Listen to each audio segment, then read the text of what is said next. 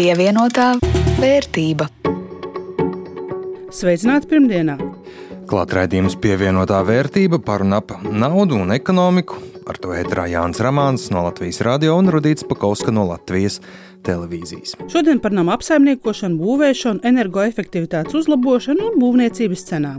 Kā arī skatīsimies ar investoru acīm uz kādu no biržu uzņēmumiem, šoreiz par Igaunijas punktidu. Pievienotā vērtība. Par norisēm ekonomikā runājot, draugi nav labi, bet nav arī tik slikti.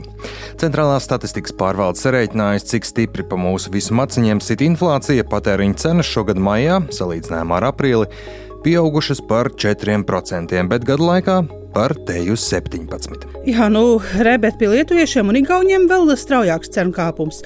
Lietuvā vairāk nekā 18%, bet Igaunijā apaļi 20% taisnība, bet uh, tas tāds vājš mierinājums, tāda pirra uzvara, jo, kā saka ekonomisti, parasti teikumu iesākot ar tādu izteiksmīgu diemžēl, šobrīd Latvijā globālās cenas, kas ir pārtikā un arī enerģētikā, vēl pilnā mērā neatspoguļojas. Mūsu cenās tajās, ko maksā iedzīvotāji, jo pie kaimiņiem algas vidēji labākas nekā Latvijā, un tur cenu kāpumam ir mazāka pretestība. Un tas nozīmē, ka arī turpmākajos mēnešos cenas turpinās kāpt diezgan strauji, un augstāko punktu varētu sagaidīt rudenī, kad visticamāk inflācija sasniegs un pat pārsniegs 20%. Apkurss sezona būs pa dārgo. Latvijas gāzes jaunie tarifi paredz sadārdzinājumu 60 līdz 90% robežās, un ne mazāk strauji aug cenas arī citiem apkurss veidiem, piemēram, apkures granulas tagad ar uguni un teju par jebkādu cenu jāmeklē. Nu jā, te, te gan liela loma ir ažiotāžai, un iespējams tie, kas augstasinīgi nogaidīs, galu galā pie granulām tiks un iespējams pat par labāku cenu. Bet risks palikt bez kurināmā par labu sirdsmieram nenāk. Un nedomāt par apkuri tā, tad vasarā iet pret spalvu latviešu dzīves ziņai, nu kā tur bija ar to kamanu gādāšanu vasarā, ir grūti. Bet cenas ir tādas, kā šnelabi paliek skatoties. Jācer, ka valsts tomēr par saviem iedzīvotājiem piedomās, jo galu galā koksnes kurināmais nav gluži deficīts Latvijā un varbūt vispirms jāliek apkalpot vietējais tirgus un tikai tad ļaut eksportēt uz ārvalstīm, kur par kurināmo maksā vairāk. Tātad pirmais solīts jau ir veikts. Zemkopības ministrija uzdevusi uzņēmumam Latvijas valsts mežu šai apkurses sezonai sagādāt par 20-30% vairāk meža šķeldes. Pieprasījums līdz ar to arī cenas aug, jo pašvaldības steidz pārbūvēt savus katlu mājas no gāzes uz šķeldes kurināšanu. Bet mierinājumam tādi optimistiskāki nekā gaidīts ir ekonomikas izaugsmes dati galvenokārt gada pirmā ceturkšņa labā snieguma dēļ, un, lai gan, protams, arī Latvijas tautsēmniecības izaugsmes izredzes ietekmē ielgusī kara darbību Ukrainā un ietekmē to negatīvi, Latvijas banka ir paaugstinājusi izaugsmes prognozi no 1,8 uz teju 3%. No Nodarbinātības valsts aģentūras gan pienāk satraucošas un brīdinošas ziņas. Lai gan bezdarbs sākoties vasaras darbiem nedaudz sarucis, ir saņemti vairāk uzņēmumu pieteikumu par kolektīvām atlaišanām. Pārsvarā pieteikumi ir no transporta, loģistikas, kā arī enerģētikas nozares un uzņēmumiem, kurus ietekmē Baltkrievijai un Krievijai noteiktās sankcijas pievienotā vērtība. Viena nozara, kur kopā savijas daudzas šā brīža tendences, ir nekustamais īpašums. Tur lomu spēlē gan Covid laikā pieaugušie iekrājumi, un par kuriem visiem tagad satraukums, ka inflācija apēdīs, un tādēļ ir sajūta, ka ātri, ātri kaut kas jāpērk, jo tik un tā viss kaut vai to pašu būvizmaksu dēļ paliks ar vien dārgāks. Nu jā, bet no otras puses varbūt tagad neko netērēt, jo viss sola bargu ziemu un tēriņus varbūt prātīgāk atlikt. Un no trešās puses daudziem Covidā ieviestā strādāšana no mājām palikusi arī Covidam atbīdoties otrajā plānā. Nu, tas nozīmē vienu - vajag vietu arī darba stūrītim. Un nepiemirsīsim arī par energocenu kāpumu ar šādām cenām. Ja energoefektivitāte iepriekš bija tāda smalka modes lieta, tad tagad tā ir glābiņš no asins stindzinošiem apkurses rēķiniem un sarēķinot izmaksas un ieguvumus, var gadīties, ka visizdevīgākais ilgākā termiņā ir lūkoties pēc citas mājvietas. Nu jā, šāds pārdoms varētu būt daudziem, jo laika zobs ir problēma lielai daļai Latvijas dzīvojamā fonda. Kā aplēsis Selectum Hong, tikai katra desmitā māja Rīgā ir celta pēdējos 20 gados. Pārējās ir pirmskara un sērija veida dzīvokļu mājas. Uz doto brīdi var droši pateikt, ka klasiskajai apbūvēji un pirmskara apbūvēji kalpošanas laiks vairākiem elementiem ir beidzies, un iepriekšējo gadu atjaunošanas tempi ir diezgan zemi. Kopš 2009. gadā, kad ir spēkā valsts atbalsta programmas par ēkas atjaunošanas darbiem. Rīgas pilsētā ir, ir tikai 60 namīpašumi, kuri tika pilnībā atjaunoti. Statistika daudz labāka ir Rīgas reģionā, bet Rīgā, diemžēl, ir statistika šāda. Tātad iedzīvotāji, dzīvokļu īpašnieki un namu pārvaldnieki visus iepriekšējos gadus bija diezgan pasīvi ēku atjaunošanas darbos. Tā Denis Sokolovs no māju pārvaldnieka Selectum Home webinārā par māju apsaimniekošanu. Un māju renovāciju un energoefektivitātes uzlabošanas projektiem strauši pieaugums nav gaidāms. Kā atzīst altuma vadītājs Reins Bērziņš, šobrīd pat, ja izdevies iedzīvotājiem par projektu vienoties, nu, kas parasti nav viegli, būvnieki vienkārši atsakas būvēt. Un mums, diemžēl, šobrīd ir ļoti daudz projektu, kas ir apstājušies. Tā iemesla pēc, kas redzams arī daudzās citās jomās, ka būvniecības cenas ir vienkārši kāpušas tā, ka paši būvnieki bieži atsakās. Viņiem ir iepirkums uzvarēts. Viņi pasaka, paldies, mēs, kā saka, atkal žargonā lecam nos. Un tā ir ļoti liela problēma mums, jo nāk arī gan viņi atsevišķi, gan kopā ar asociāciju, bet var nākt dažādos veidos. Nu, mēs to atbildi nemainīsim. Mēs nevaram patvaļīgi mainīt šos rezultātus, piešķirt papildus, lai cik mēs mēs saprastu šos argumentus, papildus finansējums, jo noteikumi ir bijuši tādi, kā tie ir. Ja darījums ir iegūts, tas ir jāpild uz tiem noteikumiem, kādi ir, jo mēs esam atbildīgi par publiskas naudas tērēšanu pienācīgā kārtā. Pat tām mājām, kuras neplāno lielus būvdarbus, jārēķinās ar lielākiem izdevumiem. Šobrīd ikdienas mājas uzturēšanas remonta darbu izmaksas ir atkarīgas lielā mērā no mājas vecuma, saka Sokolovs. Redzam, ka eh, pirmskara ēkām uzkrājuma fonds grozās ap 1 eiro kvadrātmetrā. Tātad ik mēnesi tie ir 50 līdz 100 eiro no katra dzīvokļa īpašuma, atkarībā no īpašuma platības. Tālāk ir sērija veida klasiskā apbūve, kur arī uzkrājuma fonds aptuveni 30, 40, 50 eiro centi par vienu kvadrātmetru. Tālāk, jaunie projekti, kas ir pavisam jaunie, tur ir nepieciešami pavisam minimālie uzkrājuma līdzekļi un pārsvarā priekšdarbiem, kas tiks veikti pēc garantijas perioda beigām. Mūsu portfelī ir arī tā saucamie jaunie projekti, kuri būvēti 11 gadus atpakaļ un kuriem ir nepieciešami lieli kapitāla ieguldījumi konstruktīvo daļu atjaunošanai. Tātad, bet vidēji uzkrājuma fonds svārstās šādiem īpašumiem no 25 līdz 40 eiro centiem par kvadrātmetru. Tātad šie nelielie remonti kļūst dārgāki un rēķini attiecīgi lielāki vēl pie šī brīža būvizmaksām, principā, lai saglabātu iepriekšējo gadu ieplānotus remontu darbus, tie uzkrājumi būtu tagad jāpalielina. Tā kā šī pozīcija vēl nākamgad augs visiem. Un pārvaldnieks jau iesaka šos darbus atbilstoši apsakošanas rezultātiem, atbilstoši ēkas stāvoklim, jā, bet iedzīvotājiem jebkurā gadījumā būs jābalso par šīs pozīcijas pieaugumu. Tas Rīgā, bet citviet Latvijā attīstītāji jaunos projektus nesteidz būvēt, un pavisam reāls šķērslis jaunu investīciju piesaistē ir tas, ka potenciālajiem darbiniekiem nu vienkārši nav kur dzīvot. Nav neko noīrēt, nenopirkt par puslīdz adekvātu cenu. Šur tur Latvijā pašvaldības iesaistās un pašas plāno ceļu vai jau ir uzcēluši īres namus.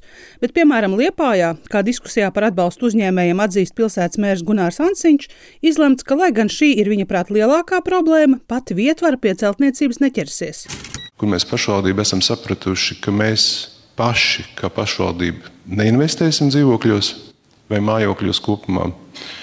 Jo mēs varētu uzbūvēt vienu, divas, trīs, četras ēkas, bet, manuprāt, pilsētas ekonomikai tas nebūs pietiekami.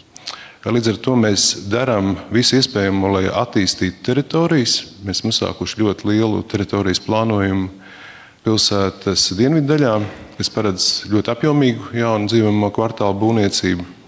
Un to mēs pilnīgi skaidri zinām, ka tā ir prioritāte numur viens. Nu, protams, normālā situācijā īres mājas celt īsti nav pašvaldību lauciņš, bet jau vairāk kārt runāts par to, ka ārpus Rīgas īres namu jaunbūvēja īsti nav uzņēmējdarbības jēgas un peļņas. Izmaksas par lielu, pirktspēju par mazu.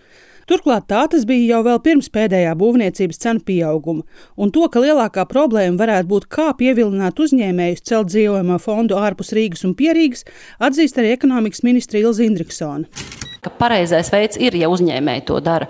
Bet tad mēs arī ļoti labprāt droši vien to diskusiju turpinātu, kāds atbalsts un cik lielos termiņos un kāds būtu vajadzīgs. Protams, tad tie nebūs granti, bet finanšu instrumenti, lai uzņēmēji patiesi ārpus Rīgas reģiona būtu gatavi to darīt, jo kredītiestādes noteikti tās droši vien klasiskā izpausmē nebūs tuvākajos gados.